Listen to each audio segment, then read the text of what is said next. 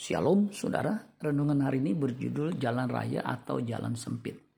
Yesaya 35 ayat 10, ayat 8 sampai 10. Di situ akan ada jalan raya yang akan disebutkan jalan kudus. Orang yang tidak tahir tidak akan melintasinya. Dan orang-orang pandir tidak akan mengembara di atasnya. Di situ tidak akan ada singa, binatang buas tidak akan menjalaninya dan tidak akan terdapat di sana orang-orang yang diselamatkan akan berjalan di situ. Dan orang-orang yang dibebaskan Tuhan akan pulang dan masuk ke Sion dengan bersorak-sorai. Sedang sukacita abadi meliputi mereka. Kegirangan dan sukacita akan memenuhi mereka. Kedukaan dan keluh kesah akan menjauh.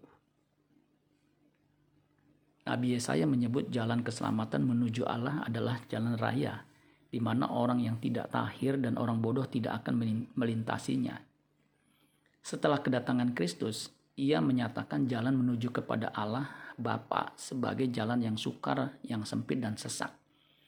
Lukas 13 ayat 23 sampai 24. Dan ada seorang yang berkata kepadanya, "Tuhan, sedikit sajakah orang yang diselamatkan?" Jawab Yesus kepada orang-orang di situ, "Berjuanglah untuk masuk melalui pintu yang sesak itu." Sebab aku berkata kepadamu, banyak orang akan berusaha untuk masuk, tetapi tidak akan dapat. Baik ia saya maupun Kristus menunjuk kepada jalan yang sama yaitu jalan kudus untuk sampai kepada Bapa. Dunia yang semakin jahat membuat jalan menuju kepada Bapa menjadi sesak dan sempit. Dunia dan segala kemegahannya membuat manusia terbuai sehingga sukar untuk memasuki jalan kudus itu. Matius 19 ayat 21 sampai 26. Kata Yesus kepadanya, "Jikalau engkau hendak sempurna, pergilah, jualah segala milikmu dan berikanlah itu kepada orang-orang miskin, maka engkau akan beroleh harta di sorga. Kemudian datanglah kemari dan ikutlah aku." Ketika orang muda itu mendengar perkataan itu, pergilah ia dengan sedih, sebab banyak hartanya.